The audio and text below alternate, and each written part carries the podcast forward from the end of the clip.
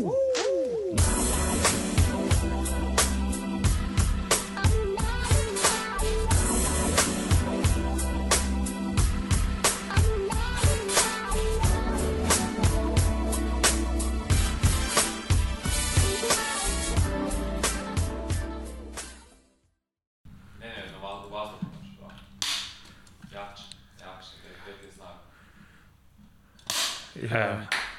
di, digo sam prašinu. je.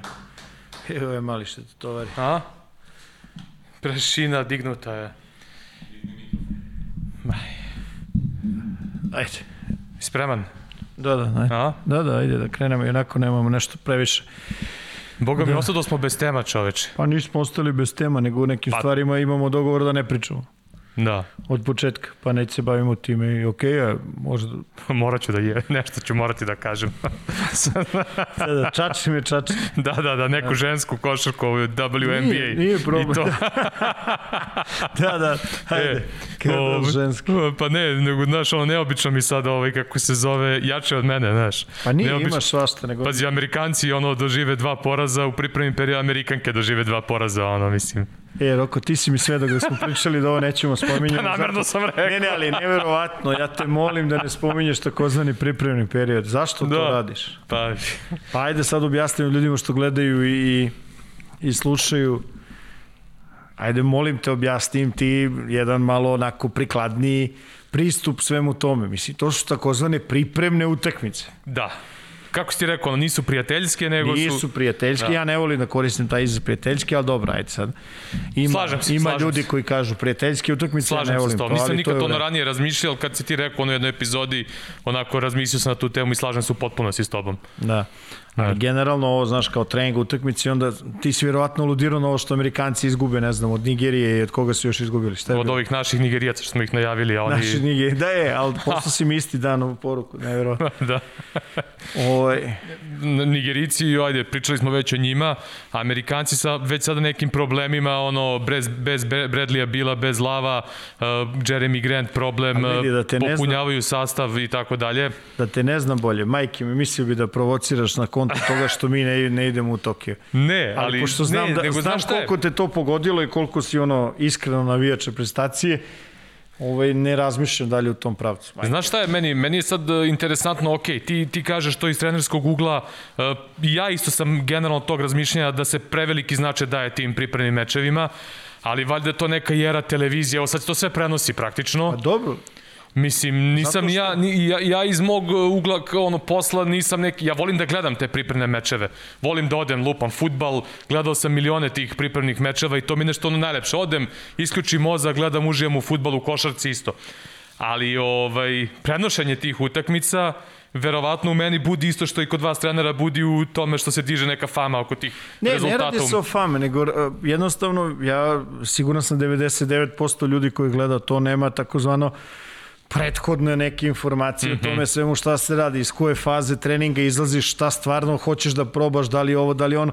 Pa u ostalom, dugo radiš ovaj posao, sigurno da, da, da si sam to već ovaj, kako bih rekao, ne primetio, nego da si potpuno svestan toga da se ponekad dešava da, da igrače koje gledaš takozvanim trening utakmicama, pripremnim utakmicama, mnogo puta recimo imaju mnogo manje mnogo manju minutažu ili učestvuju drugačije u igri kada ono što se kaže poče stvarno da se broji ono kao reflektori se upate, znaš ona Da, da. čuvena ona fraza. I to je sve to je sve normalno. Ponekad u tim periodima daješ možda neke minute nekim mlađim igračima, hoćeš da ih probaš nekim ljudima koji ulaze po prvi put u takve neke situacije. Tako da ja, ja pravo ti kažem, ovaj, to mi je sve onako, meni je jasno da se ljudi zanimaju za to i jasno mi je a, recimo način na koji je ispraćena taj poraz američke reprezentacije. Mislim, ne i ono- dešava se svaki dan oni izgube ne, bilo naravno. kako, a još dve vezane, još dve vezane pripremne, mislim. Ne, ne, naravno. To se ne dešava. A meni posebno... I odmah, I odmah krenula priča, znaš, o popu i o, i o tome kako ga vezuju za, za neke i neuspehe uh -huh. reprezentativne onda te ponavlja se ovo, te ponavlja Mhm. Da, se da, da, ono, da, da, znaš, da. onda i krenu te priče. Kreće Ali- čuvene etikete, ono. Pa dobro, i, i time se ljudi bave da. i to je sve ovaj, deo ovoga što zoveš profesionalni sport, šta ti kažeš? Nego meni je bilo, bilo mi neobično u toj ženskoj košarci, ovaj, Australijanke su dobile inače Amerikanke, ovaj, to bez Liz Cambage koja će propustiti olimpijske igre kao bio je navodno neki incident, mada ona navela, ovaj, uh, pošto ima ono, znamo već da se ona bori sa anksioznošću godinama i sve to da je onako imala on jedan interesantan tekst na Players Tribune i ovaj navodno zbog to to je kao primarni razlog zbog kog neće učestvovati ovaj na na na olimpijskim igrama ona je jedna od najdominantnijih košarkašica u WNBA-u samim tim i, i u svetu. Australijanke su uspele da dobiju sinoć ali meni je bila interesantna ona prethodna utakmica gde su igrala američka Ne, ženska reprezentacija. Evo sad sad ću ja da kažem. Ajde, ajde. igrali su protiv kao All-Star tima WNBA-a Da, I- to sam video. I da, sve vreme su da. vodile ove All-Star WNBA-a i sad meni tu bilo interesantno recimo Candice Parker koja isto tako godinama jedna od najboljih košarkašica koja je praktično ne igra više za reprezentaciju zbog nekih sukoba, to jest jednom su je preskočili da je zovu i od tada je sve puklo. Znači, gledajući nju na terenu, ona se toliko bila zainatila da igra i ne znam, baš je bila onako prava, prava Dobro, provera. mo- motivisana je Da. bila i poslala je poruku nekima koji su možda Da. I, deo razloga što ona ne nastupa za, za, za reprezentaciju. Jeste. To je sve, I, sve, i ova, sve su to I John Cal. Jones, ova koja je igrala za Bosnu i Hercegovinu, igrala sjajno na toj utakmici isto protiv Ame- Amerikanki. Ja čisto to spominjem, eto, s obzirom da će i naša ženska košarkaška reprezentacija učestvovati na olimpijskim igrama, pa eto, malo čisto da, da, da pomenemo i šta se dešava u tom nekom svetu. Nažalost, muška neće igrati, tako da ovo sve što se dešava, a dešava se svašta, neki otkazi, problemi i kod španaca sa koronom, Mali Alosen i tako dalje, i tako dalje. Ovaj, bojim se da bi moglo da bude dosta nekih promena pred sam turnir i tokom Pa, samog dobro. turnira. I to je sve, kako kažeš ti to, new normal.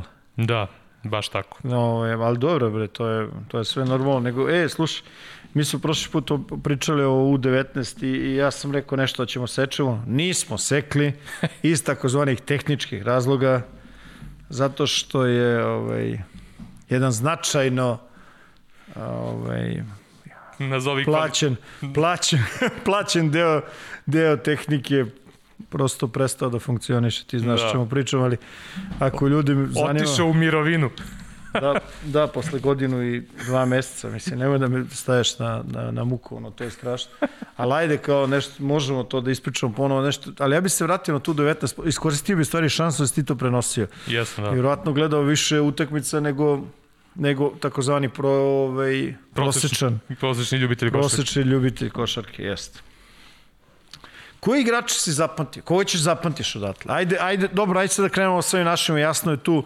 Mislim, to smo znali i pre toga, prosto ovaj je momak Jović, Hoćeš da, hoćeš da krenemo od tih top prospekata ili da krenemo ovo kad ti kažeš koga ćeš zapamtiti, ali da krenemo po kategorijama. Znači imamo top NBA prospekte, imamo ove evropske prospekte, imamo igrače, ono što ti kažeš iz druge, treće fioke, koji bi možda mogli da budu seniori, Pa a nisu toliko upadivi po nekim fizičkim karakteristikama, a znaju da igraju. Hoćeš da podelimo po ne, tako pa po... možemo, da podelim kako god hoćeš. Kako, kako ti, evo ja ću sada to kao vodim, a ti budi čovjek Jesi, koji će... jesi zapazio. Francuza Friša, ovaj 25 iz Kako Strasbura? nisam? Znači, ili on tebi NBA prospekt? Ja Ne, mislim da nije. mislim da ali, ne. ali da će imati neku Biće evropsku jedan- karijeru, biće, mislim da će... biće vrlo verovatno jedan ovaj dobar evropski igrač ako Da. nastavi da se razvija. Mislim, znaš, uvek je mnogo teško ti sad nešto se igraš tu ono baba vange, šta će biti, kad bi bilo i ne bilo i ne znam šta. Ali sad u ovom momentu dobro izgleda i nekako mi je profilisan u tome što radi. Tako je. Znaš, tačno vidiš ono šta je njegovo ono, kvaliteti, ovaj, u, kom, u kom nekom tom delu igre je, je kvalitetniji i bolji, u kom nije i tu, u redu je, ono što kažeš ti, da sam ga zapamtio, jesam, naravno da jesam, mislim, znaš. Sad sam te prekinuo. On je, kako se zove, on je meni onaj, tu onako neko ko može da ima ozbiljnu neku evropsku karijeru, ali recimo igrač koji se meni najviše svideo, a ne spada u red ni NBA, a možda ni evropskih prospekata, ovaj mali, e, kako se zove, play e, Litvanije e, Stenionis, onaj desetka mali, 1,78 je visok, ovaj, onako, malo da kažem, ne, nije neke najidealnije ni građene visine, ali što dete zna da igra košarku, znači, bukvalno, ja se šalim, ono, litvanski Tomas Ertel. Ali ga vidiš sad recimo za 3, 4, 5 godina u, u kvalitetnijim timovima E, litvanski kao što su, ne znam, Žalgiris, Pa, Ritas, n- znaš kako? Lijet Kabelis. Definitivno, kažem ti, nema, nema visinu. Mislim, vidi, verovatno se zamrzno na toj visini.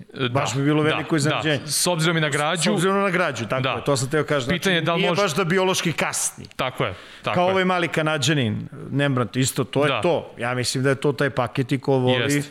Ide za E, Isto tim. tako malo ono diskutabilno ono konstantnost u šutu. Mada, na, znaš šta je meni recimo interesantno, ne znam, ja sam gledao i Litvance protiv nekih ovih atletskih dominantnijih ekipa i protiv Francuza sam ih prenosio a i gledao sam i kad su igrali protiv Senegala. Senegal onako baš ima momčine, ovaj, atlete i to sve.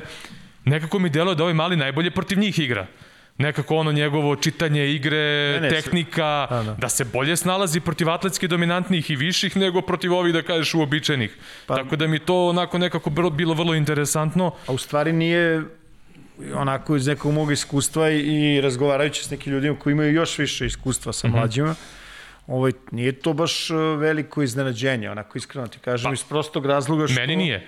Ne, ne, iz prostog razloga što, znaš, očigledno, mislim, ta rečenica onako sumira sve, kao što si rekao, on zna da igra košarku. Sad je prvo samo da vidimo šta će bude sledeći nivo, kada Tako je. sve promene, ovaj, način na koga će se tretirati, način tako bude bio važniji kad se neko bude spremao za njega i tako dalje. Koga si još? Ko ti ostaje još onako? Pa ne znam, Vidi, ostavit ćemo Loftona za kraj. o, naravno njega za kraj, on spada u top prospekte meni, bez obzira, šalim se. Ovaj, ne znam, od Australijanaca mi se onaj Vignes sviđa, isto nije loš. Ovaj, broj 7, ja mislim da je nosio.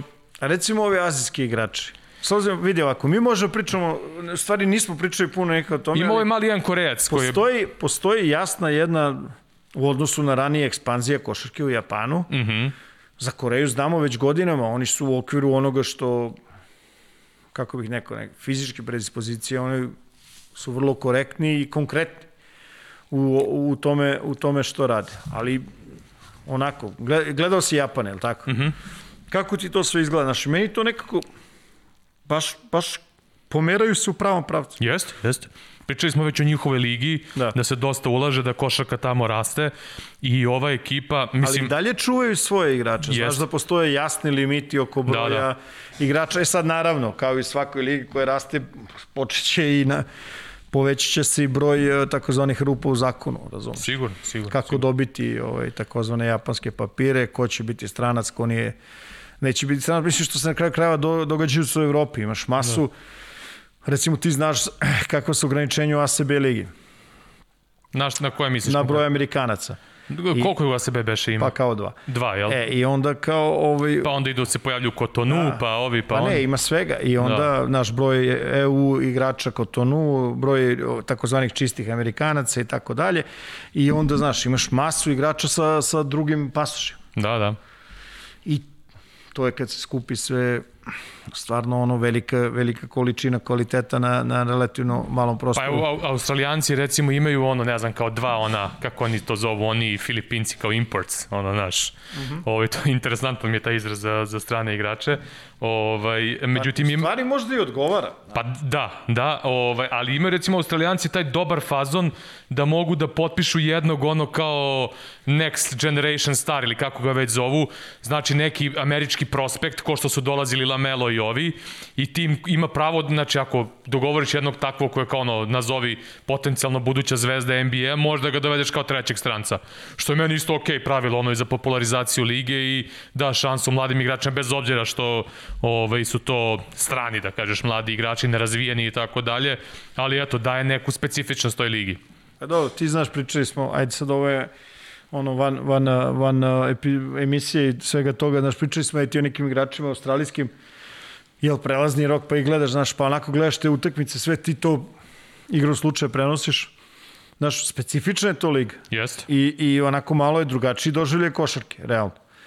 Znaš, a, mada je to, za mene je ta nacija ono ekstremno sportski orijentisana. Mm -hmm. Znaš, ono, baš, baš ekstremno sportski o, ovaj, Znaš kako mi je neobična ta, ta liga, ovaj, kad kažeš već kao shvatanje košarke. Uh, većina tih nekih utakmica koje sam radio i koje sam gledao, krene prvo polovreme, znači to ne možeš da pohvataš. Ja ne mogu da stignem da kažem ko su sudije i osnovni, samo d, d, d, d, d. E, pa to se e, samo, da, samo, da, samo da ovo kažem.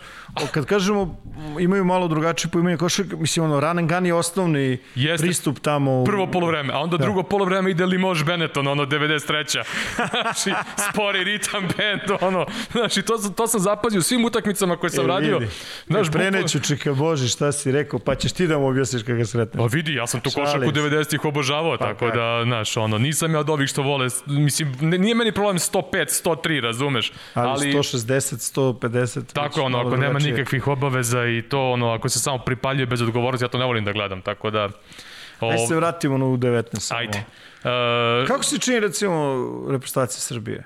Gledano za dalje, znači ne sad u ovom momentu i sad, ima tu jedna stvar, Ovaj, uvijek mi je bilo zanimljivo, znaš, kada ispratiš te reprezentacije na, na takmičenje, normalno na takmičenju, naročito kao što je svetsko prvenstvo, ne ideš ti da eksperimentišeš, to je normalno, taj mi je mm -hmm. deo potpuno jasan. Ali nekako mi je, ceo moj doživlje mlađih selekcija je taj da, da mislim da je najznačajnije ono što će se dešavati posle sa seniorskom sa tim igračima u nekom seniorskom pa, stažu. Evo, evo ti moj utisak. To je, to je, to je moje mišljenje. Da Ja sam siguran da mnogo ljudi razmišlja drugačije i to je odlično. Ja ne, ne kažem da, da sam upravo naravno da ne, ali ovaj, jasno mi je kad odeš na takmičenje, takmičiš se najbolje i tako dalje, ali nekako, znaš, iz, i, ovaj, jasno mi je ponekad kada pomogneš po znacima naroda, ovaj, uh, poguraš nekog igrača koji znaš da u tom momentu možda nije na nekom svom, ajde kažem, maksimumu, šta god to značilo, ali znaš da će za 2, 3, 4 godine biti, biti ono kalibar da bude konkurent za, za seniorsku reprezentaciju, pri čemu, znaš kako, i mi, kao i sve ostale košarkaške ili sportske nacije, kako god hoćeš, znaš, kažemo reprezentacija, to je zaista samo 12 igrača. Mm -hmm. Ti sad kad kreneš da praviš spisak, recimo reprezentacije Srbije, Ma tu, ili reprezentacije, ne znam, Hrvatske, ili bilo koje druge Španije, nije bitno, nešto je stvarno poduži spisak. Jeste, jeste. Pa evo, naša reprezentacija koliko je falilo od Radovanovića pa nadalje, pa se tokom turnira Todorović povredio, pa Đurišić nije bio tu i tako dalje i tako dalje. Dakle, već je ne, tu ne, bilo dobro, dosta nekih... Na što je ali, U19, ja već pričam i o seniorima. Da. A reci mi, je li tebi ovo U19 e, juniorska ili seniorska košarka? Ili nešto između? Mislim, Uf. s obzirom da dosta igrača igra već na seniorskom nivou Jest. i da su treneri, evo, konkretno trener reprezentacije Srbije je uh, dugogodišnji seniorski trener koji ima veliko iskustvo rada s mlađim kategorijama. Profesionalni uspešan seniorski trener. Tako je. I ono što sam ja, recimo, zaključio... Dok, recimo, izvinim, izvinim što ste prekljali, recimo, uh, znaš princip uh, francuske reprezentacije, Aha. to su treneri iz takozvanog INSEP-a, INSEP znaš šta da, je to, da, da, da, institut da, da. Ovaj, nacionalni gde je praktično jedan vodi jednu generaciju, jedan drugu i to je ono, znaš, tu su već, tu su već godinama i to, mm -hmm. recimo, tu, su, tu, tu je recimo, ovaj, gledaš, gledaš francusku reprezentaciju, recimo, protiv naše i onako unapred sedimo i ovaj, i pričamo, je, ovi će da brane piko ovako, radit će u napadu ovo, i to se stvarno dešava. Mislim, to je taj trener, to je način igre koji oni igraju i to je to je ono u što veruju i to je ono što guraju. Da. E, I sad, recimo, naša reprezentacija mi delovala da je najbolju utakmicu igrala protiv Francuza i videla da su bili pripremljeni za tu pick and roll odbranu i da su ih rešavali. I sad zašto ti to govorim? Apropo ove priče e, da je bitno prelaz na senjorski nivo. Recimo, primjer ovog malog Mušikića. Meni se on mnogo više dopao, recimo sad, igrajući u ovom nekom, da, nazovi seniorskom sistemu, uh mhm. Nego svih ovih nekih ranijih godina možda neke dominacije u mlađim kategorijama. Nekako mi je delovalo da, da je više spremniji za potencijalno neki sledeći nivo, vidjet ćemo naravno da li će to tako ići u karijeri i sve, ali nekako, znaš, ono, možda vidiš ne, ne, neku, neki potencijal, da tako kažem, nevezano sad da li on ili neko drugi, kao što i kod nekih drugih igrača je moglo da se primeti u drugim reprezentacijama. Mi smo, mi smo pričali dosta, do duše kada pričamo o igračima vezano za, za draft. Pričali smo o tome šta je, znaš, kako draftuješ. Da li draftuješ ovog momenta i mm -hmm. sutra ćeš početi da igraš po znacima navoda, odnosno konkretno sad imaš ove godine, ovo je u 19, imaš igrača od 19 godina, da li već sledeće, kada je puni 20, ulazi definitivno u senis košarku i tako dalje, da li i koliko može da pomogne. I sad je tu fora, znaš, imaš, imaš momke koji su danas plus minus 10% ono što će biti, imaš stvarno momaka gde je taj, uh, da iskoristim ovaj termin, ne znam koliko je adekvatan, plafon. Plafon, da, ono, ceiling ovaj, mnogo više. I sad je tu fora samo da, da, da pokušaš da stvoriš kod tih momaka koji imaju veći plafon, probaš da stvoriš uslove za dalji razvoj. Mm -hmm. Znaš, uslove za dalje razvoj. Ponekad u senijskoj košarci, naročito u ono, vrlo takmičarskim ekipama, to prosto nisu dobre sredine za takve momke. Razumeš što ti pričam? I sad generalno konkretno za te, za te momke što si, naš što si pomenuo, tu ima smisla da se bolje osjećaju u ovoj košarci i definitivno vrlo je verovatno da će takvu košarku igrati od danas pa do kraja svoje karijere, nadamo se da će biti svi duge, duge karijere, imati duge karijere i uspešne, nego da će se vraćati po znacima nazad u, u neku košarku sa manje obaveza, sa više slobode i tako dalje. Razumeš? Ajde da kažemo da to košarka mlađe kategorije. Mislim, generalno, mislim da je vrlo jasno da treba da se podvuče naš, jedna jasna, jasna granica između, između kategorija, između, izvini, košarke, mlađe kategorije i senijske košarke. Iz prostog razloga što je način na koji shvataš takmičenje mora bude drugačije. To, to, to bi ja tako rekao. Mislim, kao što je recimo kod Jovića, znači vidiš da je trenirao i igrao protiv senior. Mm -hmm. A, kako se zove mali francuz iz Asfala? Uh, Strazel. Strazel. Da. Pa to se vidi. Vidi se, dve, dečko se... dve godine Euroligu igra. Jeste, znaš, i te stvari se vide, nekako se osete. Ali recimo ja, ja ranije nisam gledao Friša i ono što sam video mi ono kao taj Slažem paket koji ima, to je to je to i tačno imaš zašto onako da pogledaš, da vidiš, da, da oceniš i to je to. Mm -hmm. Znaš, e onda imaš recimo sledeća stvar koju sam hteo da pričam, imaš recimo slučaj Loftona. Ne, ne, da, da. ajde sad ovako da pričamo. Sad recimo, uh, onako kad ga vidiš na, na, na, na prvi put, da li bi recimo uopšte ono, što kažu, vizuelno, da li bi ti bio igrač koji bi skrenuo pažnju. To je znači, tri... pazi, nisi ga video da igra. Da, to, mene kad pitaš, to je, to mislim, da pitaš nekog ono, da što ti kažeš prosečnog gledalca, i moj rezon je, ta, znači ono, čim je u reprezentaciji Sjedinjenih američkih država, znači da nešto ima. Znaš, ne gledam ja ono kao strogo navijački pa kao, ali baš sam rekao u najavi prenosa Amerikanaca, ovaj, loftom počinju startnih pet, sve suprotno od onog što danas tražiš što se tiče neke građe i tako to atleticizma, ali reko vidjet ćete, radi se o igraču koji ono, i tekako veliki utica ima na, na igru uh, ove ekipe. I oni čak i na, na koleđu isto ima neke vrlo dobre brojke. Ono, Znaš, to je, ne, ne mogu sad tačno setim, ali recimo oko 12,5 poena i 8,6 skokova, na primjer, lupam sad ovako iz glave. Ovaj, tako da i na koleđ nivou on već e, ima neke cifre. Louisiana Tech. Louisiana Tech, da. I kako se zove, ima neke cifre koje se već tamo negde su u rangu sa Polom Millsapom koje on imao u svojim koleđ danima kod njih. Tako da, ovaj, Vidi, sigurno će na neki način promeniti telo. A šta ti pričam, znaš, da ponekad prepoznaš, recimo, meni je uvijek bilo interesantno, aj vraćamo se 30 godina nazad. Zamislim da pojaviti se na treningu neko kao, recimo, Charles Barkley. Charles Barkley, da.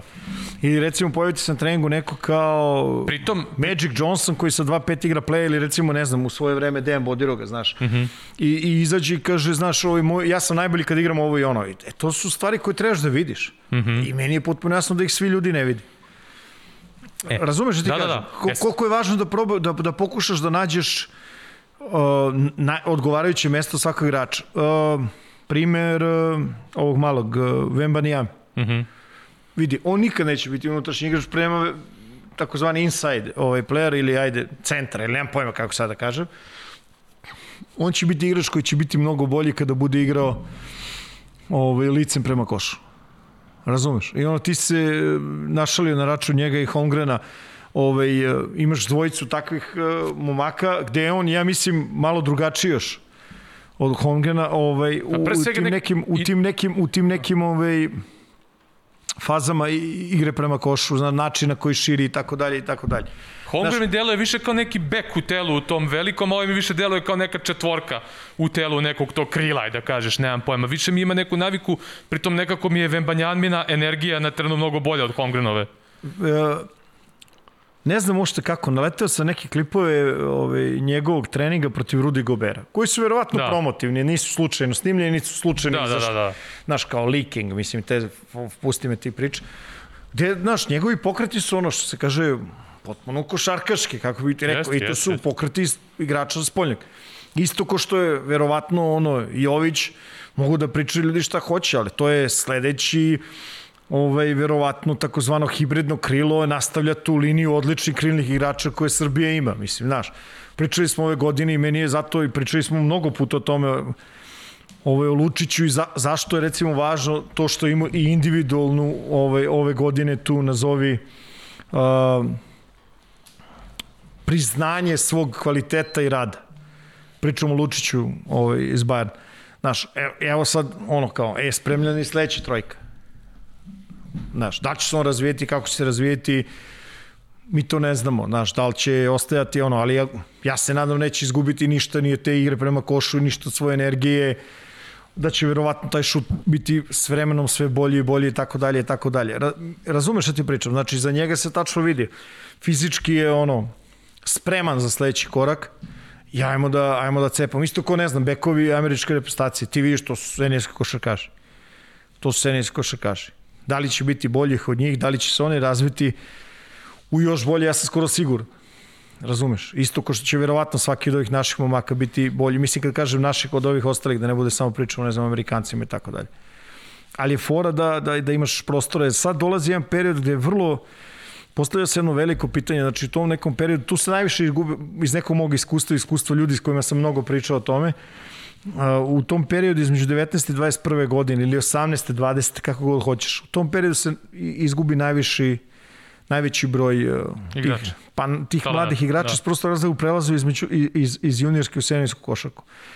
Neki iz, i prosto ono, vidim, ja, ja i dalje mislim da je puno važan faktor sreća, da ti se otvori prostor za, za igru, za dokazivanje, da imaš sreće da si u sredini koja ima dovoljno strpljenja, nekad u nekim sredinama će i na silu da se otvori prostor, to su sve stvari koje, znaš, ono, igrač sam po sebi generalno ne utiče. Te stvari moraju ti se desi. A kada se već stvore preduslovi da napraviš nešto, onda je već i do tebe, do tvog rada i do tvog kvaliteta. I E. na dograđivanje isto. E sad, po pitanju Krisa Lofton, uh, Lof, kako se, Lofton, uh, Kenneth. Kenneth Lofton. Kenny. Lofton, da. da. Ja, Chris Lofton, onaj stari strelac. Da. Ovaj, uh, Kenny Lofton, uh, pomenuo si Barklija. Eto. Slič, Primera radi, Slična ne. građa, s tim što on daleko od toga da je, da je na atletskom nivou kao Barkley. To Ne, da se ne, ne, razumemo. ali, a, ne, ne, ne, nego samo da navedem neke, neke Znaš što fakte da bi, bi- da bi postavio pitanje. Uh, Znaš što je moje pitanje bilo, izvini? Uh Mhm. -huh. Moje pitanje je bilo, zamisli, zamisli sad ovaj, da, da pa da ga vidiš na terenu, pod, pocenili bi ga na basketu, E, verovatno svi. Da. Znaš, ono, ulazi ti klinac sa 13-14 godina u dvoranu, takvi kao ti. On je, uh, ima skoro 130 kila i visok 2 metra, 2,01. Pa ta, tako 6-7 Da. se piše. Da, i, ovaj, i sad e, šta hoću ti kažem, znači on nema tu, taj atleticizam koji je imao Barkley, ima sličnu građu, ali nema taj atletici, atleticizam, ne može tako da trči po terenu kao što je Barkley mogao. Ajde, nije ni Barkley bio sad spektakularan šuter za 3 poena, posebno u ono vreme kad se nije ni toliko šutiralo, ali Lofton ne šutira za 3 poena. Mm -hmm. e, znamo da Amerikanci, ako nešto mogu da srede bolje od svih ostalih, to da srede telo nekog igrača. Pitanje je sad da, da li taj Lofton sa svojim kvalitetima može da dobije prostor na višem nivou u nekoj NBA ili, ili ne može, ili u nekoj Evropi. A on što, ja sam to konstatao par puta u prenosima, znači on je gomilu svojih nekih mana i nedostataka fizičkih pretvorio u svoje prednosti. On vrlo dobro koristi svoje telo, uvek je on ne Snažan, nisko, nisko tešte, vrlo brz skok, brz šut. skok i ima drugi rutinu, skok. i, rutinu ispod Znaš, on uđe stalno ono, da, da izvineš dupetom u kolena igraču, ono izbaci ga iz težišta i tako dalje Da. i tako dalje. Znaš, nekako baš zna da igra, je, zna A da koristi. Mi, reci mi jednu stvar, recimo sad gledaš, gledamo, ti ja gledamo sve, svaku živu košarku i hiljade drugih ljudi gledaju ono malte ne svaku, sve živo što postoji. I ti sad kad pogledaš imaš masu nekih nazovi visokih igrača ili bilo kakvih igrača koji imaju visoku prednost, ne znaju da iskoristi između ostalog, prosto nemaju naviku, nemaju neku rutinu igre i finalizacije ili ti ajde postizanja košova iz reketa. Jer slažeš s tim? Da, da, apsolutno. Vidi, on momak, A mislim, kreni od Porzingisa prvog. Pa dobro, ali Znaš, kažem koji ti, se ne spušta nikada niski post, ne može da reši mis meč u tim nekim situacijama, na primjer. Ne, ali ti kažem, recimo, ovaj momak to, kako bi ti rekao, ima, neki drugi nemaju. Znaš, imaš visoke igrače koji prosto, eto, naročito danas u košarci, za body pick, rolaj se i to je to. Mis da. meč, koriste bekovi s polja i... Ok, i nije to ništa, ni novo, nije ništa to, ni, nije to... Nije to, srđo, ništa ni, ni, ni čudno, znaš. Mislim, Francuzi imaju... A, Francuzi igraju sa ovim, kako se zove? Mali? Drago. Da, koji je ono momčina prava, vidiš, to je isto, to je ono Isto već... to, samo bolje Aj, po atleticizam. znacima navoda neka već muška snaga. Samo su on, znaš, i ovaj mali oni su promenili pozicije. Mhm. Mm Razumeš? Pa posle ćemo pričati o Milwaukeeu, pa imaš to isto gde je klasična, nazovi petica kao Lopez igra praktično četiri Janis uh, koji je kao, ne znam šta je počeo da igra, 3, 4, 5, 6, a ja, zezam se ja sad, ali znaš sad već igra kao 5. I prosto je to samo da, da, da nađeš igračima odgovarajuću ulogu. Zato sam možete pokrenuo ovu tu priču. Da, e, aj sad jedno pitanje. Znaš, da, je, da je mnogo bitno taj neki, ti neki prvi ljudi koji te po znacima navode uvude u košarku. Uh -huh. Znaš, mnogo je bitno da te uvedu pre svega, znaš, da, da te uvedu da skapiraju da vide da ćeš sutra moći da, da, da igraš. Znaš, sveći kad smo pričali sa Saletom, pa smo pričali, znaš, šta, šta traže, onak. Znaš, to je recimo ono stvar koju ljudi ono totalno, totalno guraju stranu, a to je recimo mogućnost da, da želiš da dodaš i da možeš da dodaš, mm -hmm. da ono, da vidiš, a da onda kad vidiš možeš da sprovedeš. Što recimo odvaja Jokića od velike većine ove visokih igrača na svetu. Sve ono što vidi, a vidi, onda još i može. Sa niskim postotkom ovaj problema u tom slučaju. Nešto se da prekinem, izvinim, da. moment. Teo sam te pitan samo kratko kad si skočio na, na NBA, e, glede ovih pozicija koje se kao više ni ne vode, ono, znaš, kao košarka nema više one klasične pozicije, ali recimo kad e, ocenjuješ nekog igrača, e, Kako se gleda njegova pozicija po tvom mišljenju koji bi mogao da igra na najvišem nivou u NBA-u? Po tome šta može da brani u odbrani ili po onome napadački? Pa, kako? Ja mislim to ne, nemaš univerzalno Nema univerzalno pravilo. Nemaš univerzalno pravilo. Generalno, verovatno napad možda igraš ono, Mislim, s obzirom da sve više tih... Spoljni unutrašnji igrači i onda kad su spoljni igrači koji igraju s loptom i igrači koji igraju bez nje. Mislim, eto, primjera radi, eto, kad si rekao za Vembanjamu, s obzirom da je veći broj sada igrača koji mogu da pokriju više pozicija napadački pa, gledano. Pa, recimo, on će biti neki streč visoki, da li će bude da. 4, 5, otkuza, možda na trojici nekoj završi, možda bude tamo imao najveću, najveću neku prednost. Ne, ne, mislim, sve zavisi gde vidiš najveću prednost tih igrača. Da. Razumeš? Jesmo još nekoga tu, ove kanadjane nismo nešto spomenuli, ovaj... Pa ove, recimo, recimo, lakše mi da zamislim u modernoj košarski... Ko, Keleba košarski. Hustona nego, nego Idija, jel? Pa, to je realno. Mada da. Edi, ili kako si Idi. rekao, Idi, čovjek bre dominantan. I ono, recimo, evo, recimo, košarka kanadske reprezentacije je potpuno seniorski postavljena. Mhm. Mm znači imaš tog, ono, visokog igrača, sve što se igra u odbrani je prema njemu normalno postavljeno, da, da se on tu po znacima navoda što konfornije što konfornije ovaj, osjeća.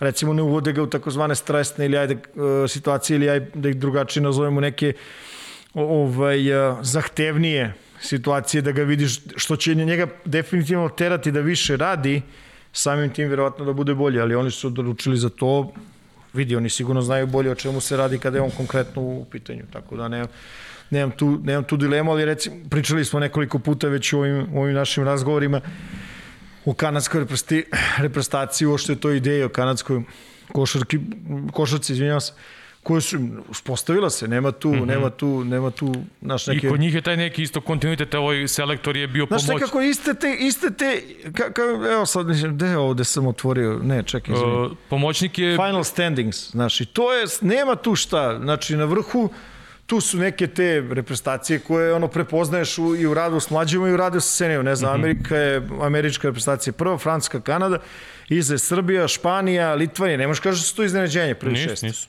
Uh, selektor je selektor je bio pomoćnik uh, Roju Rani, uh, ranije one, one generacije sa RJ Barrettom mm -hmm. koji su uzeli kad su pobedili Amerikanci svoje vremeno. Pa rekli smo Rana smo... koji vodi onaj tim uh, godinama, ono Nike Hoop Summitu tim sveta. O, oni imaju oni imaju jasno šta žele u mm. takozvanom sistemu tih mlađih kategorija. Ja to je kod potpuno jasno. Ja ti se Caleb Houston sviđa, ono, on je na Michiganu sad, onako interesantan jedan Pa jest, mislim, aj sad naš, mislim da je ono najlakše oceniti u ovom momentu igrača prema, ne znam, o tome što je on e, šuterski bio ovakav ili onakav, ali vi tačno prepoznaš i kvalitet koji će da nadograđuje, znaš, ono. Pritom mi se svidilo kod njega što se najviše uključio u utakmicama kad se najviše lomilo i tako dalje. Pa, Da. Uh, Tubelis, ovaj Litvanac, on je meni ono neka verzija ovog Domantasa Sabonisa otprilike, igra na Univerzitetu Arizona. Sve su to... Imao je svoje brojke, ali ono, neka old school igra, rekao bih ono. Srđo, sad da, pričaš sa ljudima koji rade sa represivnim mlađim selekcijama u više navrata i tačno ću ti reći da postoje onako po nacijama, što bi se reklo, neke odrednice Znaš, tačno se zna šta su ovaj, odlike bilo kog tog eh, nacionalnog tima. Tako, što, što je negdje normalno, znaš. Da, znaš ja bih recimo voleo da, ja bih, ja, ja bih voleo da se recimo vrati da se vrati ovaj, ta funkcija takozvanog profesionalnog trenera uh -huh. kod nas u Savjezu, znači čoveka koji je godinu dana ili u stvari u nekom mandatu, ajde nazovi 4-5 godina, naš, o, kome će se dati poverenje da, da o, pokaže put kojim treba da se, da se ovaj, ide dalje. Razumeš, uh -huh. u tom smislu, znači ne pričamo o čovjeku koji će da voditi sve moguće generacije, nego prosto da objedinuje, da objedinjuje ovaj, rad ovaj, svih tih, a to su ove, sve ove reprezentacije koje su, po znacima navoda, ovaj, važnije od, od ispo, kadetske do, do ove 21. E, znaš ko mi je isto zapao za oko 20, od ovih igrača koji, iz reprezentacija koji nisu otišle visoko? Ovaj ma, ma, mali, mislim, ovaj play iz Portorika, on je Rafael Pinzon, što je na St. John's univerzitetu. Taj mali mi se recimo dopao, onako vrlo interesantni potezi, pregled igre, asistencije, pa, mo, mo, da. mo, može biti neko interesantan za ispratiti naredne sezone na, na NCAA nivou pa i uvek, za budućnost. Vidi, ti uvek znaš da, da određene neke uh, te reprezentacije ovaj, najčešće iz uh, Latinske Amerike, iz Južne Amerike, ovaj, ponekad se desi da je veliki broj igrača u stvari ono, rođeno u Americi, u Americi da. živi u Americi, ide na američke škole i tako. A zadržali su, su pasoši, taj, a zadržali su taj nivo lucidnosti i energije dobro, i emocije. To je sve, to je sve miks da. i onda, znaš, ako uspeš da usmeriš ili ove, iskontroliš tu dovoljno meri, onda su tu uvek zanimljivi ove, igrači. I da sa time završimo ove, sa, u 19. Ja se još jedan pot izvinjam oko klipova, ali stvarno gospodin HP je dao, ovaj, dao svoj život u nastojanju da, da se uradi nešto i nije izdržao i završio i sad mu tražimo zamenu. Da. Vidjet ćemo zašto ćemo se odlučiti. Imaš ti neku preporuku? Ne, nisam ja za to stručan, ne mešam se Roko je se... Imaš ti neku preporuku? ne, hvala. Ove, a, sledeće pitanje za tebe. E, treba Osam da... promena. Te, dobro, znači hoće pređemo na to, dobro. Pa osam promena u NBA. Šta, na što si mislio? Dostanemo još nešto? E, teo sam još da te, da te pitam ono što si postavio pitanje i rekao si mi da ne odgovorim. Sad da. sam se setio, nisam, nisam stigao da razmislim toko nedelje. Ajde onda za sledeću nedelju, šta? A? Pa ne znam, a poenta da ti odgovoriš i da ja odgovorim. Ne, ne, pa što je poenta ja da odgovaram? Ne, to je samo nešto za razmišljanje, mislim, poenta. Da. Nema tu, vidi, sad mnogo, mnogo pitanja ima da nemaš takozvani ultimativni odgovor. Ima. Ti misliš jedno, ja drugo, što bi tvoje bilo bolje od mojeg ili A mojeg kakvo je pravilo? Nema tu. Mislim, ja, jedno što sam razmišljao jedan kad si mi postavio pitanje, razmišljao sam da nikad nisam video tu situaciju. Od kad prenosim, nije mi se desila ta situacija. A recimo, bila je situacija uh, u ovom play-offu uh, Trey Young, što je, mm -hmm. što je odlično koristio ono, i to niko nije, ovaj, kako se zove, konst, ono, mislim, nisu toliko konstatovali to, primetio jedan moj kolega i on je na Twitteru pisao o tome, uh, ne, mislim neizvesna završnica, nije ni neizvesna završnica, nego ne znam, kraj treće četvrtine, početak četvrte, ide vreme i tako dalje, znači Atlanta vodi, oni puste loptu po zemlji, vreme ide, a je ne uzima i ne, ne počinje 24 sekunde. I, a niko ne priđe u pressing, niko ne obrati pažnju na to i Trae Young na svakoj utakmici ukrade ko zna koliko sekundi. Toga smo se nagledali. Dok čuva, dok čuva razliku, da. Toga smo se mnogo nagledali. Nagledali smo se toga po Evropi, ajde da ne ne, ne, ne, ne, po manjim ne, ne. terenima, jesmo, čak i onim beogradskim. Ne, ne, jesmo, jesmo, ali u situaciji da ti čuvaš, e, kad je malo vremena ostalo, ti čuvaš svoj napad. Uh mhm. -huh. A on tebi krade, e, ti, e, njegov tim vodi i on krade vreme utakmice. Tako što... A smanjuje broj posjeda, sađe. Tako je, znači da, prošlo je, ne znam, ono, je. ne znam, 6 sekundi, a on je tek uzeo loptu u 7 sekundi i počelo je vreme da napada ide. A evo sad recimo ove utakmice finala koje gledaš i ti i gledamo svi, jel, koji volimo NBA, ovaj broj poseda ide negde 80 90 aj sad da ne ulazim tu negde u, u ove detalje sa zamisli da recimo 30 poseda ovaj skratiš produžiš za po 3 sekunde kapiraš Da, da. To je već ono neka cifra i sad to je već 4-5 šuteva više manje i tako dalje. Mislim svega tu ima nije to nije to ništa novo, ali ali definitivno vidiš da da ovaj razmišlja o tome i da ga je to neko naučio ili mu spomenuo ako je sam došao do toga svakam, svakam u čast. Nego te vratim na jednu drugu stvar. Aj, izvini. Nemoj još da prelazimo. Krenuo si prstom. Da, nemoj na NBA da prelazimo još. Neću. Samo da, da, da nešto dovršimo iz ove priče. Apropo ovih poraza Amerikanaca, uh, digla se velika fama, uh, navodno se Amerikanci žale na FIBA pravila. Bili Pa, su... dobro, vas da se žale. Da, pa da, da, pa sad je nije- baš- Ali, koliko sad- smo puta pričali o tome da ne postoji u ovom sportu, ne postoje krovna pravila. Tako je. Nažalost, to je tako. Čak ni lopta. Ako privlačiš, čak ni lopta. Ako pristaneš da uđeš na FIBA pravila, pa Da. šta sad, št, mislim, šta je E. sa poenta? Sad ću proverimo, svi ću promenimo pravila, jel? E, Ja ne kažem da su sva FIBA pravila odlično. Recimo, ja bi, mislim da je recimo defanzivne 3 sekunde odlično NBA pravilo. Mm -hmm. Za mene. I sad, pazi, zjavit će se hiljadu i jedan trener i milion i jedan navijač i reći daj bre, šta ti je, to je baš ono dodatno kao u evropskoj košarci. Vidi, vidi, ima ljudi koji kažu da je offside u futbolu. Ja futbol znaš već koliko pratim i koliko znam futbolu, ali ljudi s kojima pričam kažu da je recimo offside osnovno pravilo u futbolu. Da mm -hmm. totalno menja način igre. Jeste, Ili ja sam pitao nešto, e, a jeste razmišljali smanjite teren, nema offside ili nešto tako, nemam pojma. Kao, pričam ti o, o kao, kako da pravilima unaprediš igru. Pošto smo svedoci da neki sportovi to rade. Promenili su pravilima dinamiku igre, brojanje, pravila i tako dalje i to je dovelo do, do boljitaka. E sad mene zanima, znaš, šta je sledeće u... ti, ti ko Amerikanci, ono 94. kada je bilo svetsko u futbalu Da. u Americi, pa čim se završilo svetsko prvenstvo, Amerikanci krenuli odmah da se povećavaju golovi, da ovo, da ono... Da bude krenuli, više golova, ja. Krenuli sa idejama, odmah Amerikanci da promene futbal, ono. Pa ne, ne, ne, Ovo, ne, ali ne mi znaš sad smešno bilo, recimo, posle ovog evropskog prvenstva, krenuli su brojni Amerikanci po Twitteru, znaš, ono, kao verovatno su prvi put gledali futbal i sad su za, zainteresovali kao, e, kao, aj u NBA, kao ubacimo, ne znam, ako je nerešeno, kao da igrači šutiraju po pet slobodnih bacanja i to, znaš, ono, kao čekajte ljudi, bre, polako, nije isti sport, ja mislim, nemoj, Pa dobro. ne može da se prebacuje. Nego šta sam te ti kažem? nisam iznenađen da recimo ono kao će da uzmu tapiju kao... Ali ajde. Sve. Kre, krenuli su s nekim pričama e, igrači, neki, Mnogo je zanimljivije, recimo, izvini, u, e- u pravilo takozvanog šestog faula u FIBA košarci, odnosno sedmog u NBA. To Mhm. je izvanredno pravilo kome treba pričati. E, pa sad se baš potegla priča oko, to ćemo da pomenemo posle kad budemo pričali o NBA-u, glede onih bukerovih nedosuđenog šestog faula i tako dalje, ove, i tako dalje. Pa mislim, Dakle, promeni u- na neki način, u toj četvrtoj utakmici, njegov peti faul na početku četvrte četvrtine i koliko je sedeo, 4-5 minuta promeni Pa da. tekmu. Posebno što u momentu u kom je bio već bio je ono, ali dobro, ajde, doćemo toga. Da, ovaj, e, neki igrači koji su igrali po Evropi su krenuli, uključili se u tu priču pravila, pa su krenuli da pričaju kao FIBA pravila su ovakva i onakva, oni ona ne forsiraju ovo i se ono. vraćaju da igraju u Evropu. Pa mislim, meni je to glupo, ono, znaš, ono kao...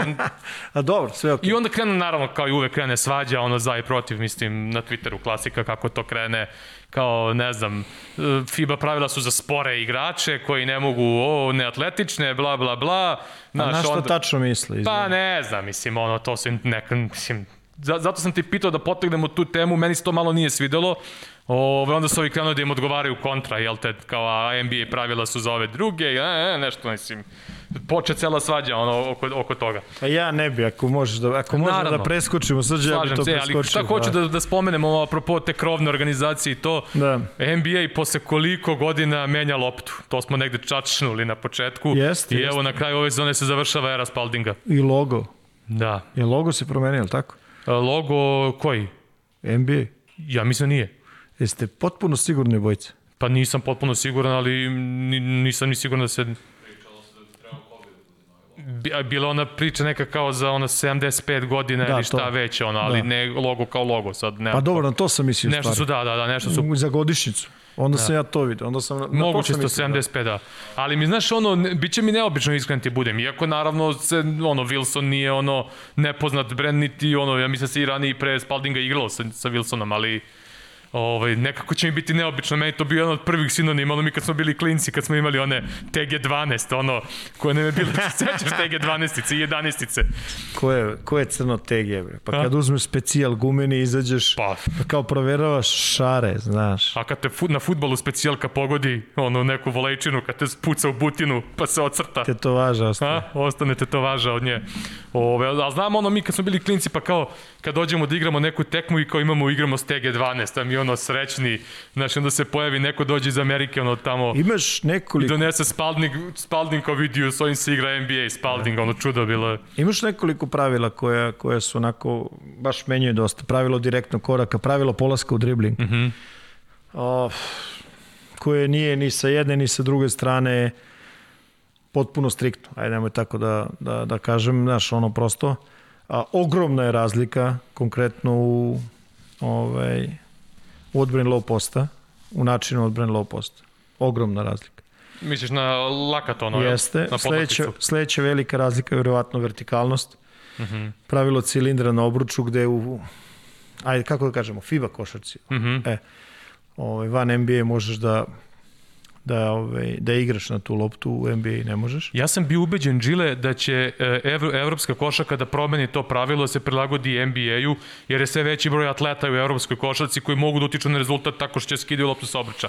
Međutim, pre 2, 3, 4 godine, koliko je već bilo, NBA je hteo da proba u G ligi evropsko pravilo, da, Da, da. da, sme, da ono, kao sme da se dira lopta na obrču. Dobro, ti znaš za pravilo ovog sata posle, posle šuta, pravilo ofanzivnog skoka. 14 sekundi. Pa to, to je realno odavde pravilo, pa je preneto tamo i tako Da. dalje, i tako dalje, ali šta hoće kaže, ima tu pravila, znaš, sa, sa, sam, ok, dimenzije terena, mislim da ljudi imaju onako dosta, dosta pogrešno ovaj, uverenje da su dimenzije baš, baš velike, razlike generalno nisu.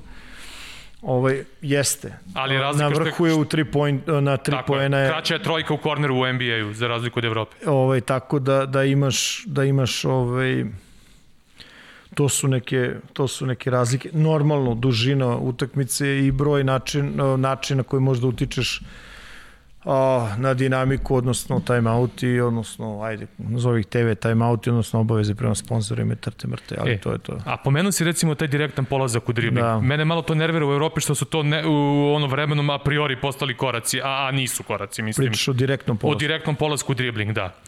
Pa Uh, teško je tražiti od sudija da svaki put vide način na koji se zaustavi. Mm. -hmm. Ali da ima grešaka, naravno da ima grešaka, ali vidi, svi graš. Svi greš. Samo je problem da li su greške takozvane tendenciozne i sad ili nisu. Bilo mi Ako interesantno. imaš neko ko recimo celu utakmicu sudi na isti način, to je okej. Okay. Jeste, jeste. Deo i tvog posla je da se prilagodiš. Da. Ovaj, e, bilo mi interesantno sa onaj snimak, ono John Korkmaz koji na treningu objašnjava Zeku Levinu evropska pravila, pa mu objašnjava taj direktan polazak u dribling, pa onda on je neki individualni trener tamo uzme kao da mu objasni i čovjek pravi korake, ono, mislim, non stop, non-stop. non stop pravi Non-stop, korake. da, da, da, da, da. I kao obja, objašnjava, ovaj, e sad, Pa Znaš šta je moćno pravilo? Znači, koje onako od lige do lige po Evropi se više ili manje koristi. Takozvano podizanje ove, stajne noge.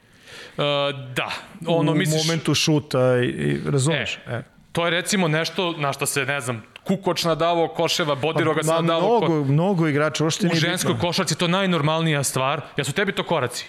Pa, kak, mislim, jasno su pravila, nije bitno šta ja pričam, imaš pravila, sađo.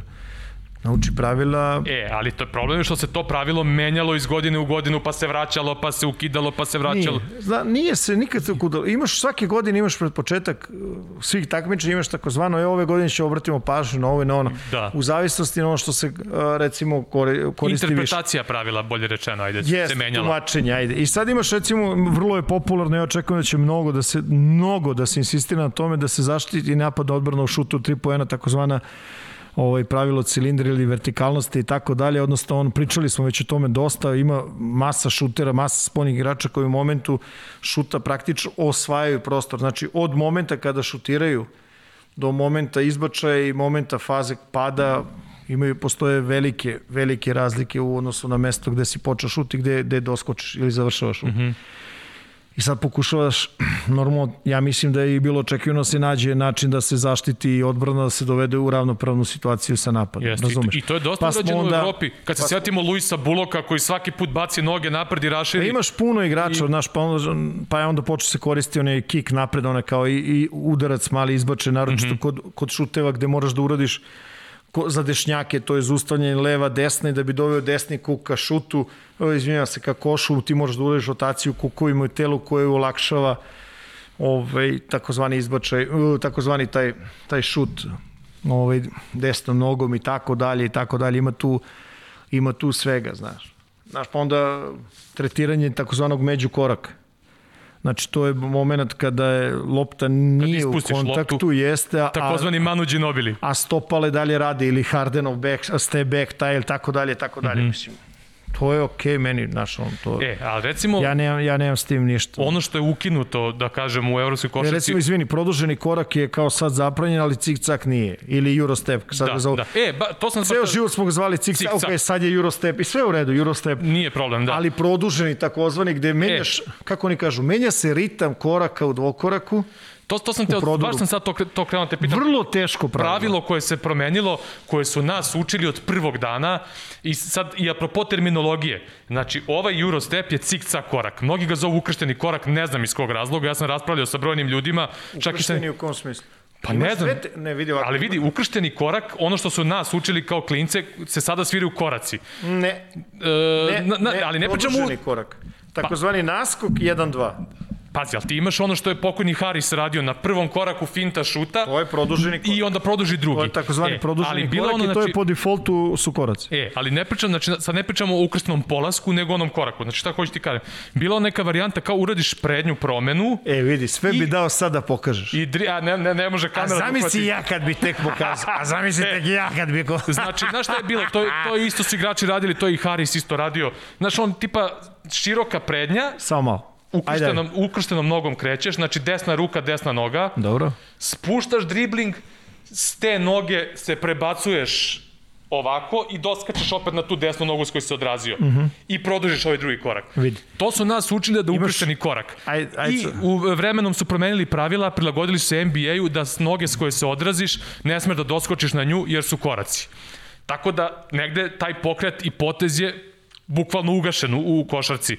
Koji, je, koji su nas učili da se zove ukršteni korak. A dobro, nije... E Ajde, sad, sad, mnogi mešaju sa ukrštenim polaskom u dribling, Ne znam ja ko je Da. tebe to učio. Šalim se. Pa, u- ne, ne, šalim se, šalim se. U, u Nije onoj školi gde, gde si da, da, ti da radio. sam i ja radio.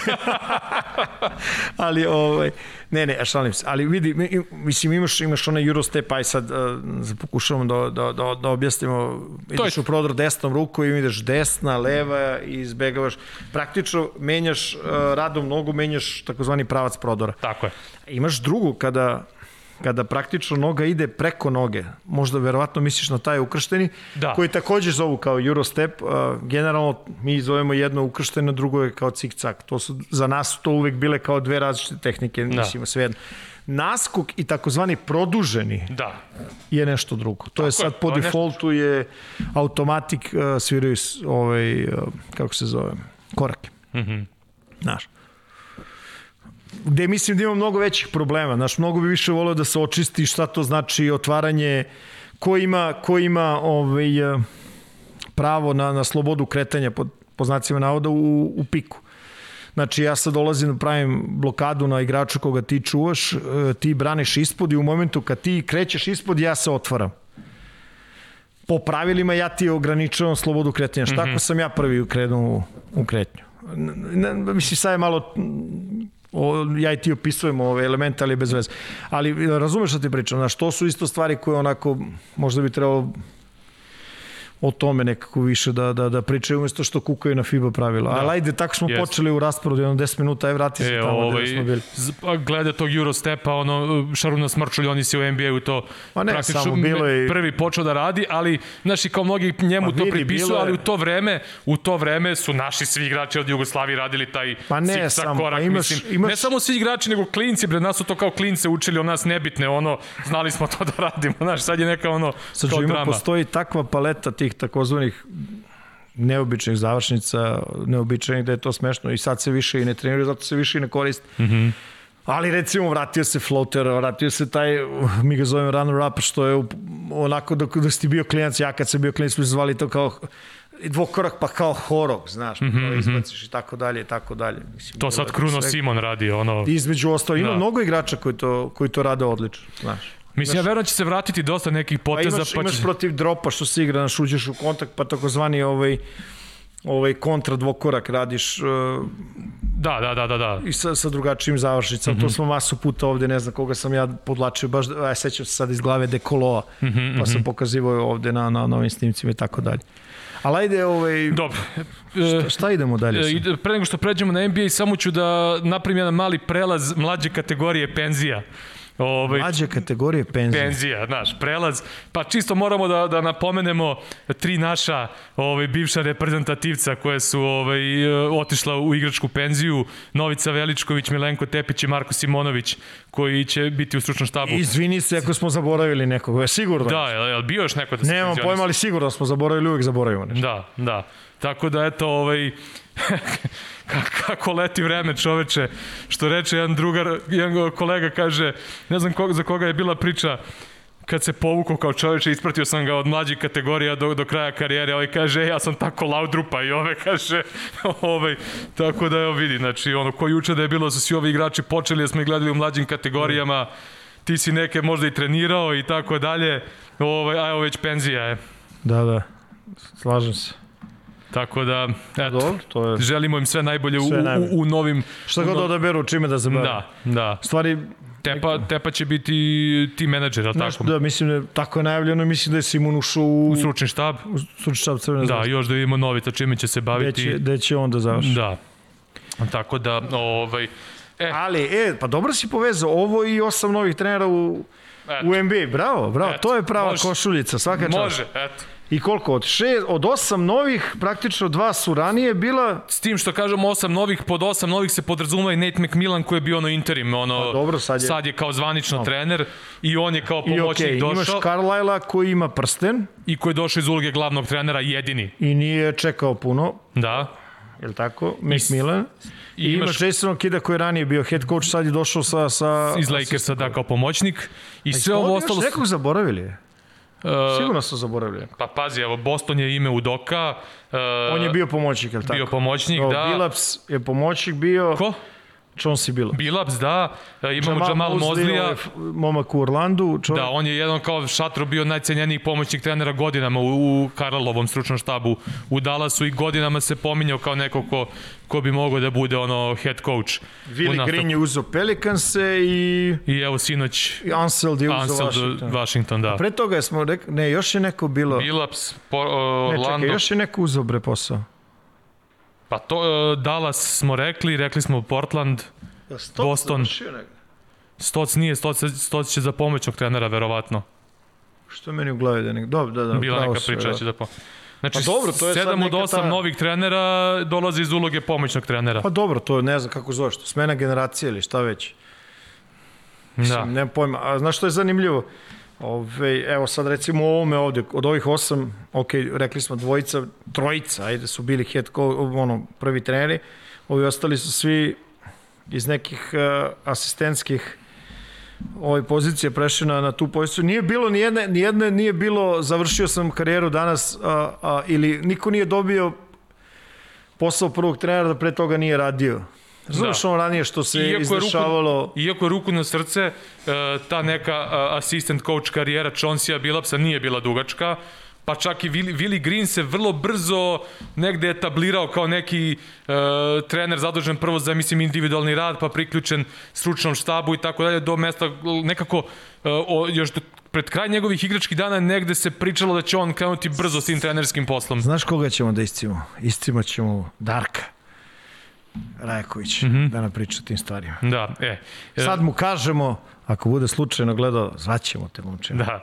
Ove, šta hoću ti kažem? Ne e, znam. e, Bila je priča, recimo, treba da pomenemo našeg gosta, ono, Lerija Brauna, koji će biti pomoćnik e, Le, e, ovom Penny Hardawayu na... Pa jeste nekako, znaš, meni je uvijek bilo super fora da ti čo, za mene je on legenda, znaš. Uvijek, Mhm. uvijek, uvijek sam želeo, znaš, da, da nađeš mesta tim ljudima koji su mnogo dali košarci, da im nađeš mesta da, da, da, da prosto, znaš, to su za mene izvori znanja i iskustva.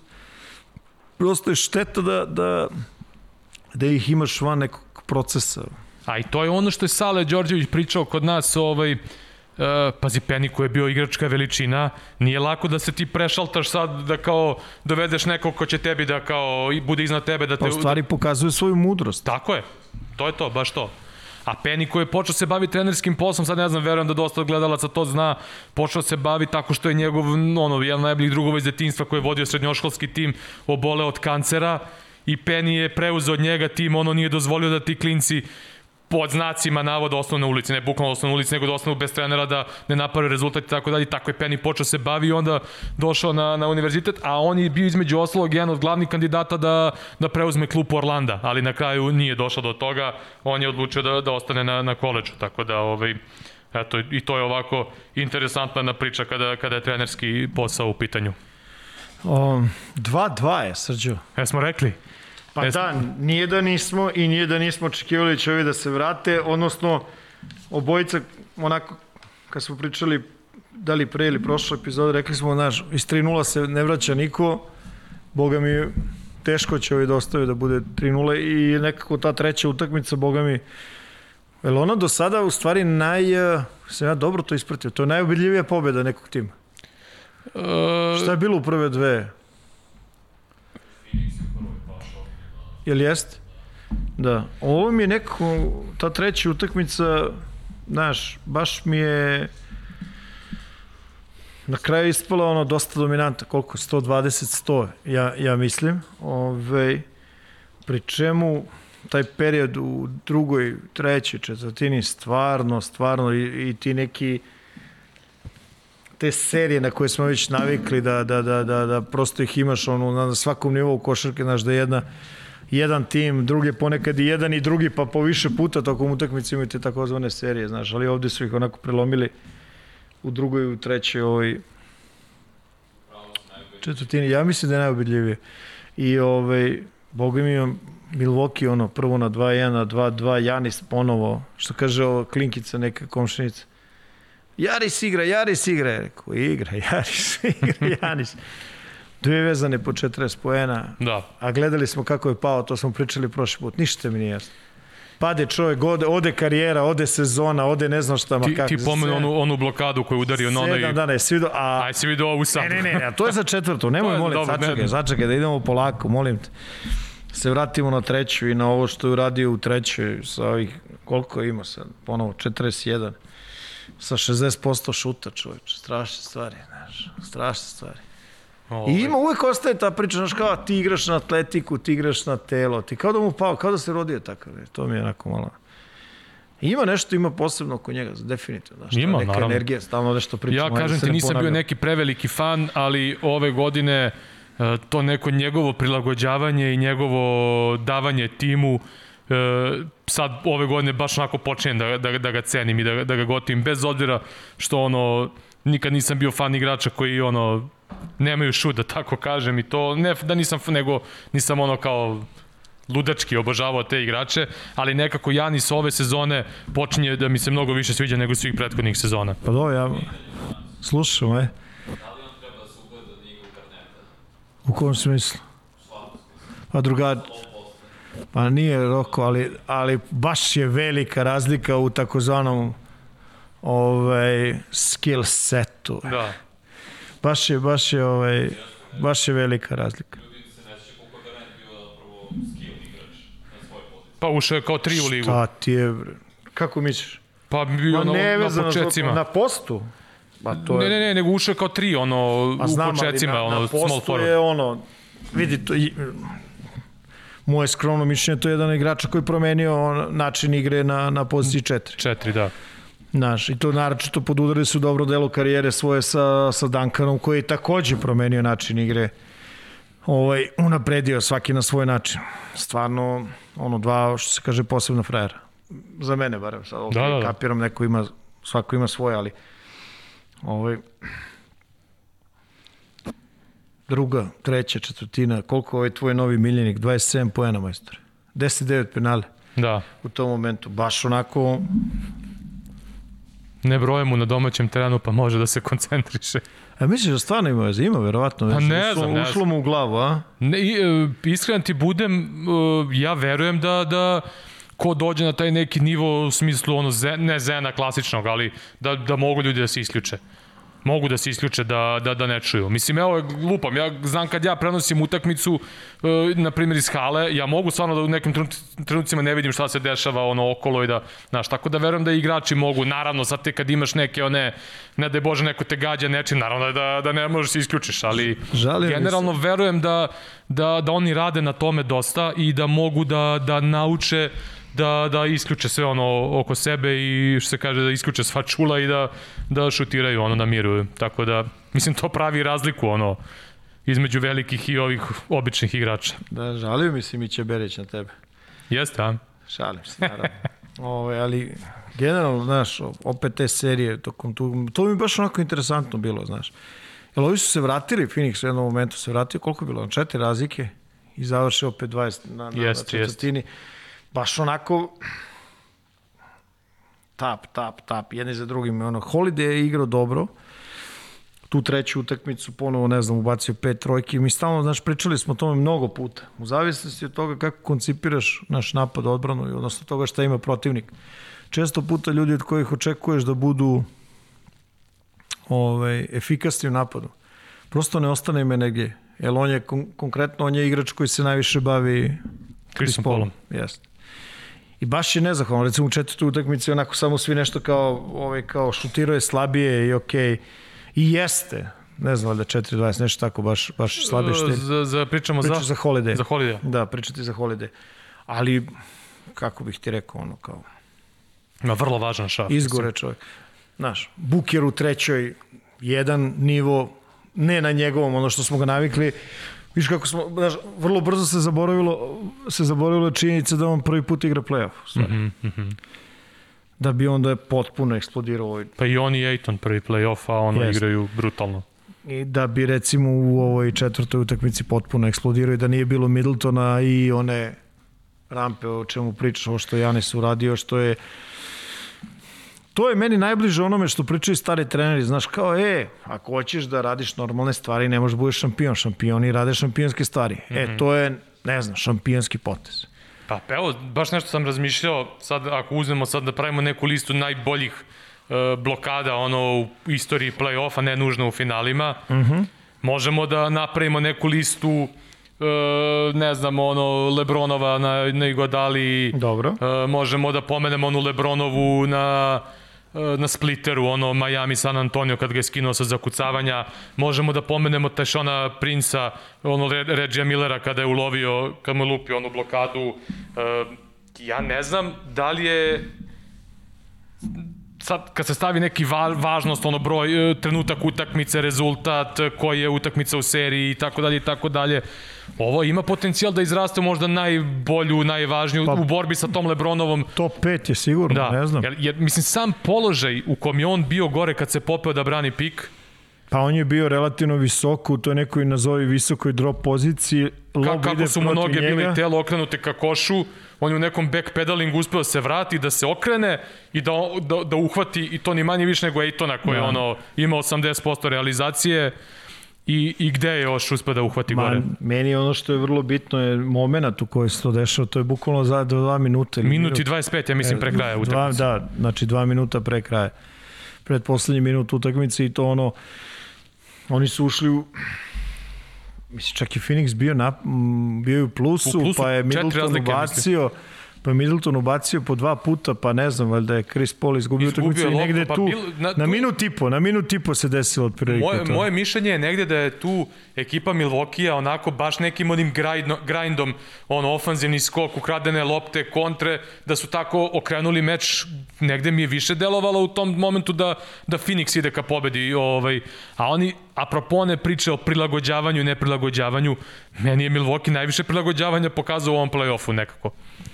Znači, dobro. znači, znači nijedna pobeda im skoro nije bila ista, rekao bih. Ono, i kad... dobro, to uvek zavisi jedne da. i druge ekipe, ali znaš, svaka ti utakmica, svaka od ovih utakmica ima, ima po znacima navoda, osim, ne znam, Janisa koji ono, e, sad je kao popusti u četvrtoj, ubacio samo 26, kao nije više 40.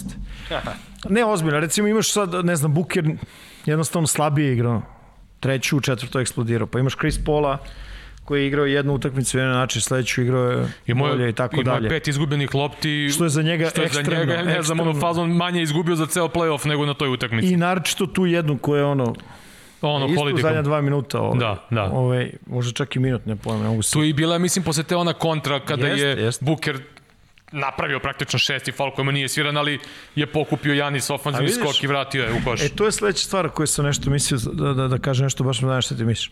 Recimo, ta dva igrača su relativno mladi. Mislim, mlađi su, ono, uh, spadaju mlađi. Pričamo Ejtonu i Bukeru. I Bukeru, dobro. I ovaj, uopšte ta situacija dovedu sebe ovaj, u, u to da, da zbog problema sa faulovima sede na klupi. Recimo, Ejton je odlično, odlično otvorio odlično otvorio ovu utakmicu ovaj, uh, treću. Penali javio na klupu. Buker je presedeo koliko smo rekli, 4-5 minuta u petoj, u ovoj u četvrtoj utakmici, u četvrtoj četvrtini.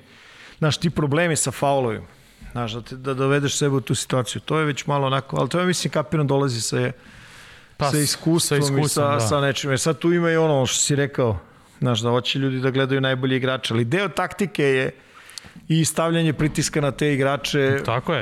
E sad, mislim, meni, mislim, e, tu se isto potegla priča ovaj, na, na Twitteru, ajde sad, ne znam, meni to možda nije u startu merodavno, ali generalno e, pojava društvenih mreža je počela mnoge da stavlja pod veći pritisak sa tim komentarima, ali tako se zakotrlja cela priča i onda se ono i mediji preuzmu i pritisak na one koji odlučuju i tako dalje i tako dalje kao da li treba da se menja to pravilo šest faulova, odnosno da li možeš da pustiš igrača da, ne znam, dobije i šesti i sedmi faul uz neke određene kazne, lupam kad napravi šesti faul ostaje u igri, ali ne znam, dobije Dobro, ali Jeff Van Gundy priča o tome godinama, pa ali da. godinama, godinama i onda da, napravi se faul, dva penala ako si u bonusu i lopta sa strane, pa ga ti frajeru ostavi. Da, da, ili ne znam, jedno bonus bacanje još ako igrač Ili ima... bonus bacanje, ja bi, ja bi posle dostavljao. Da. Ja bi ti ostavljao posle. E sad tu opet dolazimo u onu, u onu situaciju danas ono, otprilike u današnje vreme sve je on neki experience, ono, nije ti bitno ukus mesa, nego je bitno da ti dođe ovaj, da ti posoli, razumeš, ono da to snimiš za Instagram. Mo, možda je, možda je... A, e, je li to dobar primjer? A ne, lupa, njegovo znaš, meso je vrhunsko. Pa ne, ne, ne, naravno da njegovo meso je vrhunsko, nego, ali, znaš, ono ne priča niko o mesu, nego je bitnije snimak, ono, razumeš. Ja. E, tako se danas negde malo to poteglo, kao, znaš, sad ne sme Buker da ispadne sa šest faulova, igra ovakvu utakmicu i tako dalje i tako dalje. Mislim, šta to znači onda da ne sme, da ne sme neki slabiji tim da, da pobedi zato što ima dominantnijeg igrača fizički, na primjer, koji će njega da napada i da ga tera na faulove, šta, da odmah isključimo njemu priliku da dobije. Meni to, mislim, meni se, meni se to ne sviđa, na primjer. Šest faulova, šest faulova i okej, okay, mislim, sasvim veliki, dozvoljen veliki broj faulova. A, da se isk... A? pro je kontra na obe strane, nema. Pa naravno, da, i uvek ima, ja samo kažem ono što, što ne, ne znam, negde da ja razmišljam, malo sad počelo se preteruje, znaš, koje, ajde, nemojmo ovo, nemojmo ono, zaštitimo ovo, zaštitimo ono, a već je to nešto što, mislim, ono, ne, pazi, to nije sad kao četiri faula pa ispadaš, nego šest, imaš više, jedan više nego u Evropi. A dobro, utakmica je duže, tačno to. Jeste, tačno jeste, toliko. Ta, tačno toliko, da. Ali do, mislim, okej, okay vidi, napravio to, verovatno će probati da sledeći put ispravi te neke stvari, neće dovede sebe i tim u to. Mm -hmm. Sad ulaze u tu čuvenu petu utakmicu, znamo i sami koliki je procenat ove, onih uh, pobednika serija kada, kada se pobedi ta peta tekma. Ispade peta tekma najvažnija u stvari, da, da, razumeš? Da, da. Ovo posle toga je samo da dovršiš posao. Ovi su se vratili, boga mi, posle 2-0, 2-2, baš onako muški. Ako izašli su tu treću, boga mi, ono, Naš, preživili su, Phoenix je bio u redu upravo, onda druga, treć, treća četvrtina, naš, mnogo bolje šut, mnogo više asistencija, velika dominacija u skoku. Velika dominacija. Velika. Velika. Uh, sad u Ima, recimo, 17 ofanzivni su im napravili, je li tako? Ima je recimo zanimljiva stvar, znaš, koju malo ljudi priča. Ja mislim da je, da je vrlo važno za Sanse Bridges, ja mislim da je mnogo važan mm -hmm. igrač. Recimo, ja mislim, u drugoj, jel, veš u drugoj utakmici dao koliko? 27 pojena? Da, da. Da bi u treći šutno samo četiri puta. Mm -hmm i dao četiri poena. U četvrtoj nešto malo više, ali to je to. Kako bih ti rekao, u... ispade, znaš, da je bljesnuo, ne može da drži konstantu, sad da li je to samo njegov, ne krivica, nego prosto tako utakmice idu u tom pravcu. Znaš, možda kad bi se one uključili dalje, Crowder je posle jedne slabije odigrao fenomenalno ovu drugu, ovo je gde ono ubacio ne znam koliko. Generalno igra, igra na, na naš na tim utakmicama, igra ono dobro je. Znaš, mm -hmm. mnogo je važan. Mi smo već pričali, ajde ponovno imaš napad. Znaš. Ja recimo mislim da on mnogo važan deo ovoga jest, jest. uspeha Phoenixa ove godine. Tebi, jel tebi Phoenix deluje po bilo kom segmentu igre kao mlada ekipa? Znači, meni uopšte, oni, oni su toliko mlada ekipa, neiskusna, ne računajući Krisa Pola i Crowdera. Ovaj, Znači, uopšte mi nemaju neke ono odlike, da kažeš, naivnosti mladih ekipa. Pa dobro, Baš, ja sad pričam znaš, svojim faulovima, ok, taj deo, ali ono... Pritom ono fizički, igre. fizički na, kako igraju, koliko trče i ono sve, i oni deluju mi kao da se ne umaraju uopšte. Dobro je finale. Ne. Odlično, odlično, baš odlično. Mislim, s obzirom da su se mnogi razočarali kao Phoenix, Milwaukee. A šta su očekivali? Pa ne, mislim, znaš... Lakers pa, pa, jedan, ali, Lakers ali, ali, dva. Ali to ti ova priča o experience-u, znaš. Ono, imaju svi etiketu i ono, ne, ne gleda se suština, nego se gleda ono ime, mislim. Vidi, super je i, i normalno je negde da računaš da ljudi koji koji, aj po znaciju navode imaju najveći rating ili plaćaš ih najviše za to mm -hmm. čime se bave, da budu iz večeri, iz godine u godine, iz dana u dan, iz utakmice u utakmicu na, na najvišem nivou, to se prosto ne dešava, ne dešava se mnogo stvari.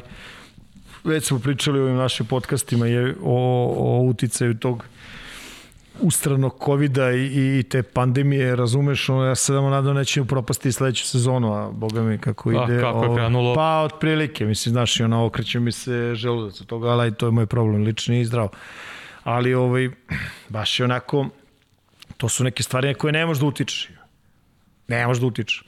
Prosto su morale da se desi. Mi smo koliko, pre dve epizode, baš smo onako dosta detaljno pričali, o, o analizirali kako je došlo tolikog broja tih povreda i tako. Mislim, sreće, pa sad imaš dve ekipe u kojima, ok, fale igrači, ne možeš da, da kažeš da nisu nebitni. Ali onako, zvezde su tu. Pa eto, s te strane nismo u, u, ovaj, uskraćeni njihovih igara. I znaš što mi je još malo smešno, pa možemo i da, da završamo. Middleton je odigrao ovu utakmicu četvrtu stvarno kao car, mislim, sve je okej, okay. i za njega znamo To je jedan od igrača koji može loše da otvori utakmicu, da se vrati, možete sarani, može ovaj, sve tu u redu i mnogo je bilo te priče, znaš, da je ovaj nezadovoljan kako su otvorili Janis. Mm da je bio nezadovoljan kako su oni Holiday otvorili i traži više od njih i okej, okay, to je sve neka unutrašnja dinamika u okviru tima i to su normalne stvari. Ali on okej, okay, dao je koliko sad dao? 41, 42 pojena, pojema, nešto tako je dao, nešto puno. Odmah priča Middleton, 40, da. Middleton MVP. Polako. Polako, da. Znaš, polako.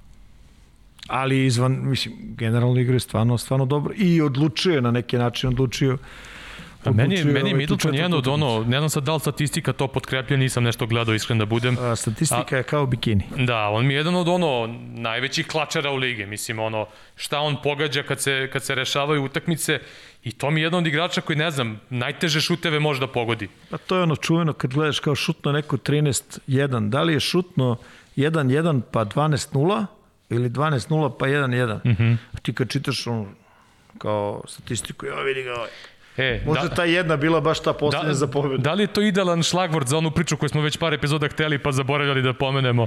Ono highlights uh, versus full games. Pa da, A? sve nešto hoćemo da pričamo o tome. Sad je sve highlights, jel da? Pa, e, imaš highlights i Roko, šta gledaš ti beše? Full, full highlights. Ti, ti si zaspao. Ti si, ti si zaspao, majstor. Ne da ti klimu, klimu ne da da uključi. šta, ovaj, Pa jeste, meni je to onako, znaš, sve ispadne sada u highlights, kao, verovatno ljudi nemaju vremena da gledaju utakmice. Žao mi zbog toga. Mislim. Pa sad, da li to nemaju vremena ili je previše sadržaja koji ti oduzimaju vreme? Mislim da nije nužno da se nema vremena, nego samo imaš mnogo više stvari za zabavu koje ti oduzimaju Dobro, svako, mogućnost da... svako sebi, ono što se kaže... Naravno, da. Svako sebi organizuje ono, dan ili pokušaš. Ima stvari koje ne možeš da izbegneš, normalno nazovi ih obaveze važnije ili malo nevažnije, ali ako voliš nešto, ono, nađeš vreme za to, ako naročito danas, aj ne moraš ni da snimaš, mislim. Ja volim kad imam snimke, ono, ljudi vole, imaju one, vratiš koliko, sedam dana unazad ili ne znam mm -hmm. koliko, imaš one kao, nazovi poznaci navoda video klubove u, pod, u, u, u ponudi ovde, znaš, pa gledaš kao nešto, možda sačuvaš to. Ja, koji si ti tip? Jesi onaj tip što uh, ne želi da zna rezultat kad gleda snimak ili, ili ti je sve jedno? Uh, Aj, kao, koliko se razlikujemo? Vrlo, vrlo, mnogo češće. Mnogo češće, po znacima navoda, ne znam, ne znam ovaj. Ja, ja, meni, meni to nije bitno, ja ono, znam rezultat i gledam snimak. Ne, gledam mogu neke... gledam, vidi, zavisi iz koji je motiv zbog koga gledam, znaš. Mm -hmm. ovaj... Mislim, prvo ne postoji šansa da, da, da se isključim toliko iz sveta da ne znam koji je rezultat. Pa zašto? Sad prespavaš recimo ujutru. Pa dobro. Prespavaš noću, utakmice gledaš rano ujutru. Ja recimo tako radim. Masu radim tako. Ono, imamo pes i pokrenem tekmu i gledam ujutru, rano ustajem. Mislim, mm -hmm. I ja tako sad gledam, ono, od kad više ne radim noću, hvala Bogu, znači, ono, ujutru, samo snimci i to je to. Nema, ovaj, nema, kako se zove, više gleda, ono, gledam neke, ono, gledaš, kad je neka situacija, pogledam i to, ali nisam od tih što kao sad neću da pogledam prvo rezultat i ne znam, neki, neku statistiku i tako Pa dalje. nije nego što tragedija kad znaš. Nekad Pa- ti je interesantno da vidiš kako je došao. Pa, baš to, pa rezultata. baš to, znaš, ono, gledaš, vidiš, ne znam, neko vodi sedam razlike na, na pet minuta do kraja, kao kako su ovo uspeli da izgube, znaš. Pa naravno, I onda- ali imaš mnogo I ljudi posvetim se koji- nekim detaljima da vidim kako su uspeli da izgube tih sedam razlike, na primjer, sad, sad će ovo smešno zvuči. Imaš mnogo ljudi koji vole košarku, ali kao ne vole nikog posebno. Mm. -hmm. Kapiraš? Znaš, ne navijaju posebno za neki tim ili navijaju za više timova. Pa, trenutno, znači, što sam stari, ja sve više spadam u, U te takve. u te takve, da. A, eto. Znaš, ne, ne, ne ono, jedne godine mi se dopade način koji, na koji neki tim igra, druge godine mi se svidelo ovaj neki tim koji je neku svoju manu pretvorio u, u prednost, pa zbog toga su mi postali simpatični, pa pratim imam neke timove koje onako tradicionalno volim da gledam, Ja- nebitno, znaš, ono Ja gledam se- trenere, gledam recimo, gledam, gledam Trenere trenere isto neke i načine igre i, i Isto. ono, to mi je recimo onako u redu. Volim nesebične timove i ajde, da sad ne širimo priču. Da, isto, isto priča i kod mene ovaj, tako da... Ja mislim da bi to bilo dovoljno Dobro. za danas. Dosta za ove, za ove letnje, letnje epizode. Pa neću- nije što je letnje, nego prosto ajde da ne pričamo Manje, malo je tema, praktično nam je ostalo još sad ono NBA finale, eventualno najavimo draft i ćemo na kolektivni Pa, godišnji, Da, kolektivni godišnji. kolektivni godišnji odmori Da, i to je to je.